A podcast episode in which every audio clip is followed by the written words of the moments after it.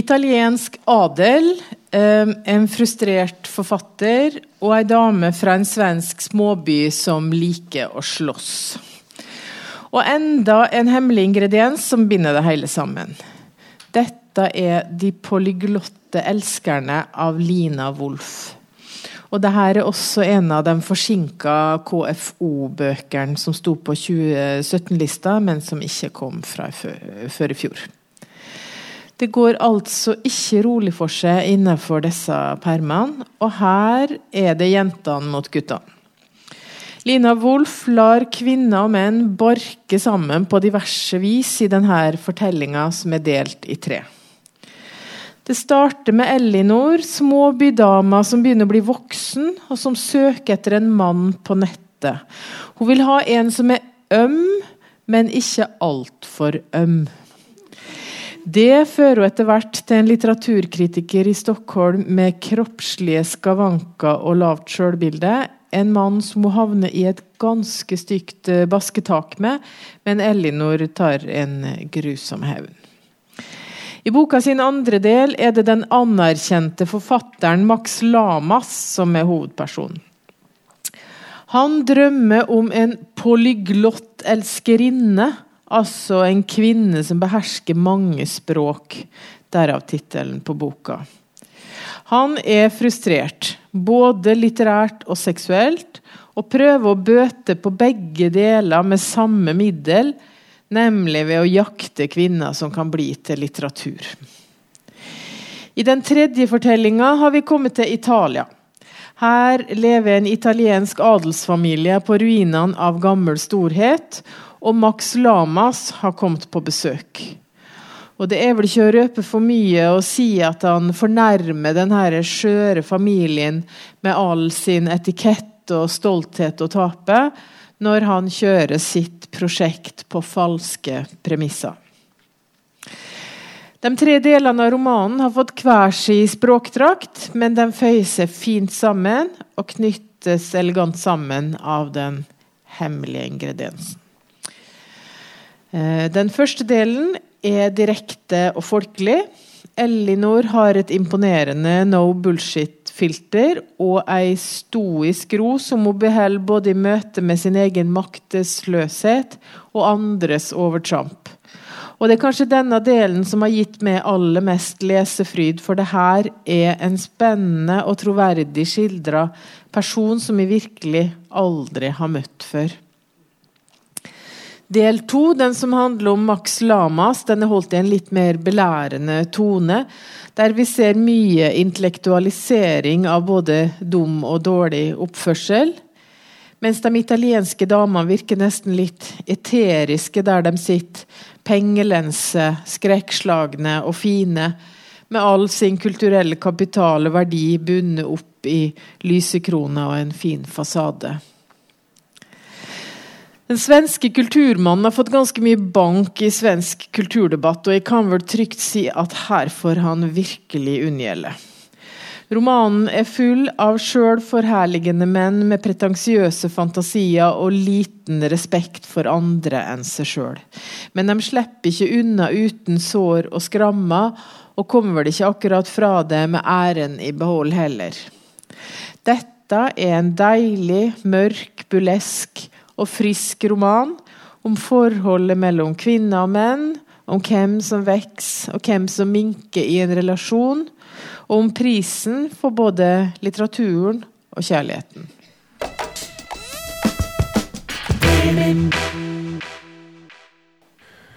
Ja, en eh, skulle kanskje tru at det som eh, var mest rystende for meg som leser i fjor, skulle være bøker om om synsløse diktatur eller om eh, utsletting av alt liv på kloden. Men nei. Så enkelt er det ikke. Det som skaka meg mest i fjor, var denne boka her. En liten roman om eh, hvor vanskelig det skal være å starte og vedlikeholde en kjærleiksrelasjon. Hvor uhorvelig komplisert det skal være med intimitet og nærleik en roman om hva som skjer når to sjølforaktende og overtenkende mennesker greier å finne sammen. Arme menneskeslekt, altså. I Eline Fjæren Lundens Forbruk i september så møter vi Emilie og Espen. De jobber begge i samme avis. Hun er en ung og lovende skribent i begynnelsen av 20-åra. Ofte litt hånlig omtalt som vidunderbarnet av kollegaene sine. Han er en 14 år eldre kollega som med litt god vilje fremdeles kan regnes som ung, men som kanskje ikke er all verden lovende lenger. Boka den åpner ganske friskt med at disse to her ligger med hverandre etter en fuktig jobbfest. Og etter det så følger vi dem vekselsvis i separerte kapittel. Og de har mildt sagt sitt å stri med, både når det kommer til jobb og hverdag, til kjærlighet og til sex, og til egen psykisk helse. Det er ikke noen eh, direkte hendingsrik roman, det her. Og det er heller ikke meninga. Det er helst hovedpersonene si indre kverning og grubling som skaper framdrift og spenning i denne historien. her. Det er ei bok som greier å få taushet, forbisnakking og kommunikasjonssvikt til å bli uttrykksfulle og darrende komponenter. Der kjølig, kvast og distansert språk blir mye seiende sprengstoff.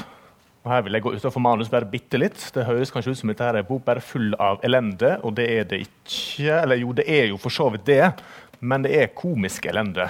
Eller hvis dere er stilt inn sånn som meg, så er dette her ganske morsom lesning i tanke på hvor utstrekt det er.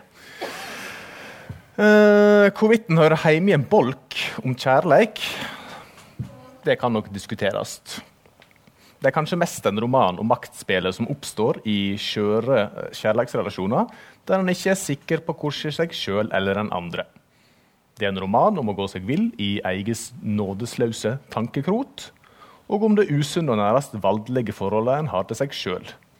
Og ikke minst om kjærligheten sin største fiende, det her forbanna sjølmedvite som aldri slutter å plage en. Dette er ei uhyggelig god bok med trykk på uhyggelig. Vi får se om det blir noe lykkelig kjærlighet enn den herre, her, her, da. Jordskorpa er en uh, tynn hinne som vi når som helst kan brase gjennom. Det gjelder å holde seg lett som en fugl, så ikke katastrofen blir et faktum.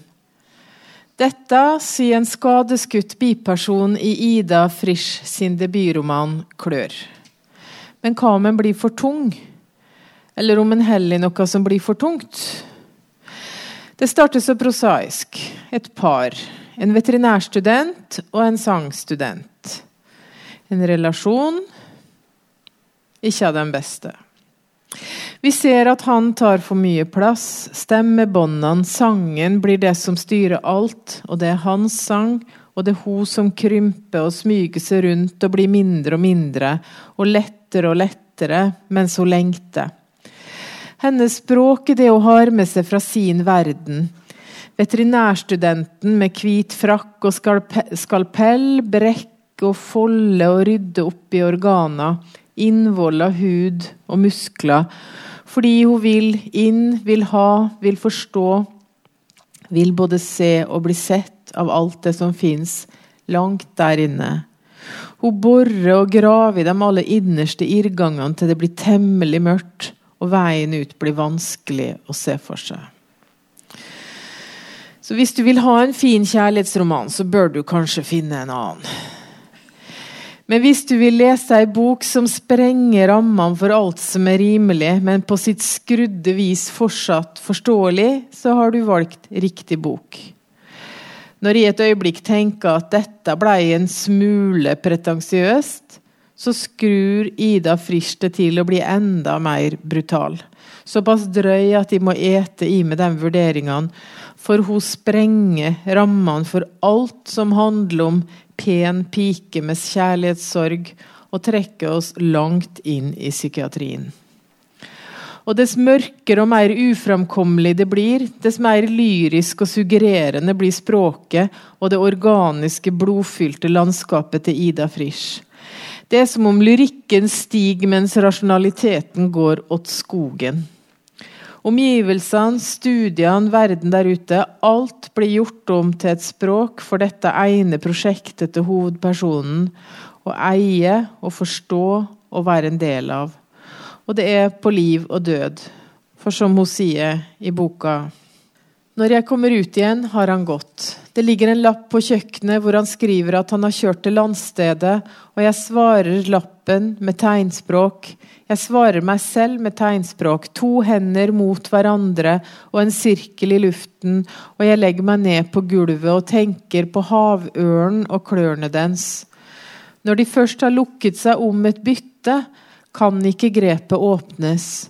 Om ørnen fanger en fisk som er for tung, drukner den med klørne rundt fiskens ryggsøyle, og jeg tenker at jeg kommer til å gå ned på samme måte med klørne mine rundt ham.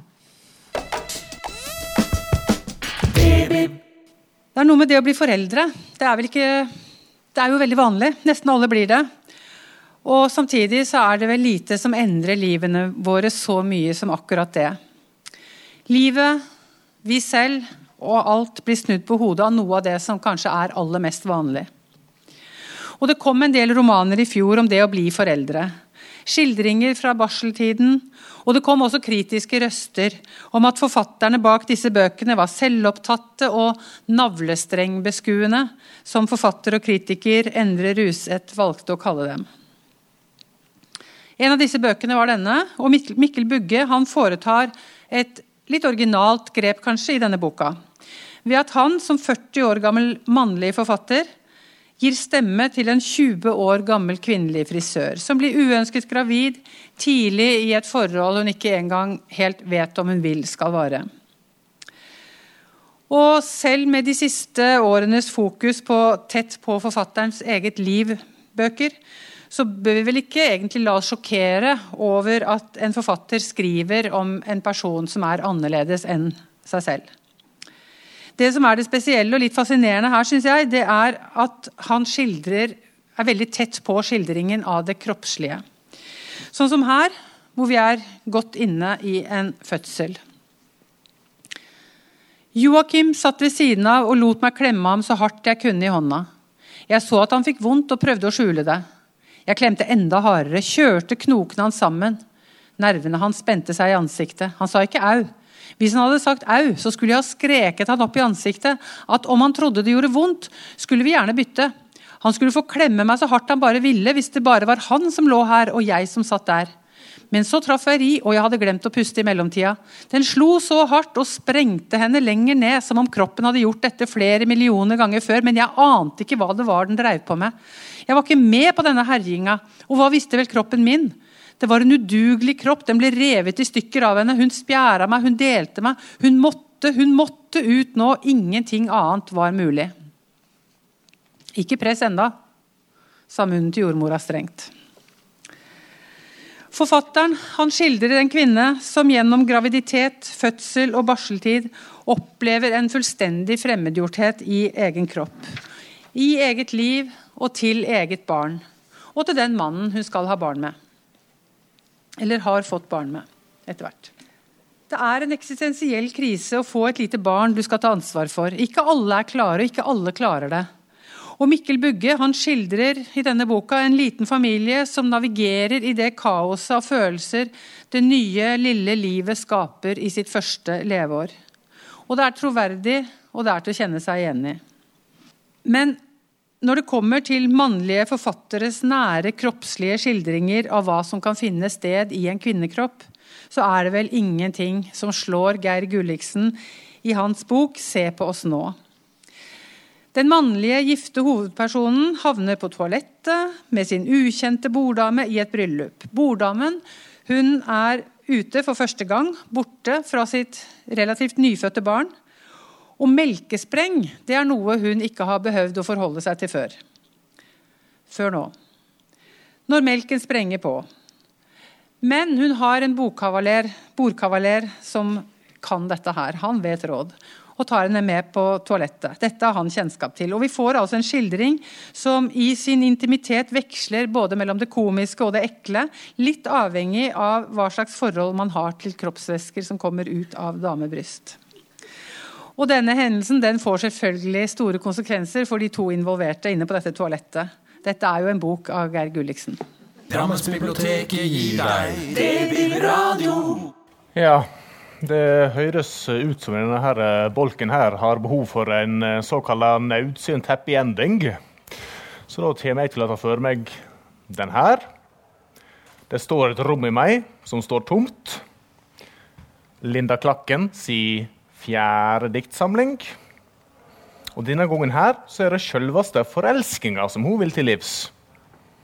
Om jeg skal forsøke å oppsummere boka kjapt, så er dette en samling som er bygd opp av en serie små, glødende og nakne dikt som gransker forelskinga mellom to kvinner. Der forfatteren skildrer både de glitrende og de dystre, både de enkle og de eksistensielle sidene, med det å være ravende forgapt i et annet menneske. Dette her er forelsking av det altoppslukende, sprudlende og pirrende slaget Forelsking av det slaget som klør, like intenst som elveblest. Som blanker ut hele skallen og virkelig river den opp innenfra. Korkje mer eller mindre. Jeg skal lese et dikt til dere. 'Fingeren i jorda' heter dette diktet. her. Fingeren i jorda. Ingen kommer til å huske meg. Men det går helt greit. Så lenge noen prater varmt om deg. Jeg har lurt litt på hva det er med denne diktsamlinga her som, eh, som, fenger meg. Hvorfor jeg tar meg sjøl i å tenke på den. Hvorfor den krafser slik på hjernebarken. Språket er jo i grunnen ganske enkelt og lettfattelig. Det er nesten litt sånn tamt. Til tider så syns jeg nesten det er jamrende banalt. Den har få overraskningsmoment, og den har få språklige krumspring av det slaget som jeg har sansen for. Og innimellom så er den litt sånn klisjéprega. Det er i grunnen en bok som burde ha fått meg til å utbryte ting som piff og humbug og jaha, ja. Og som egentlig burde få meg til å himle litt med øynene.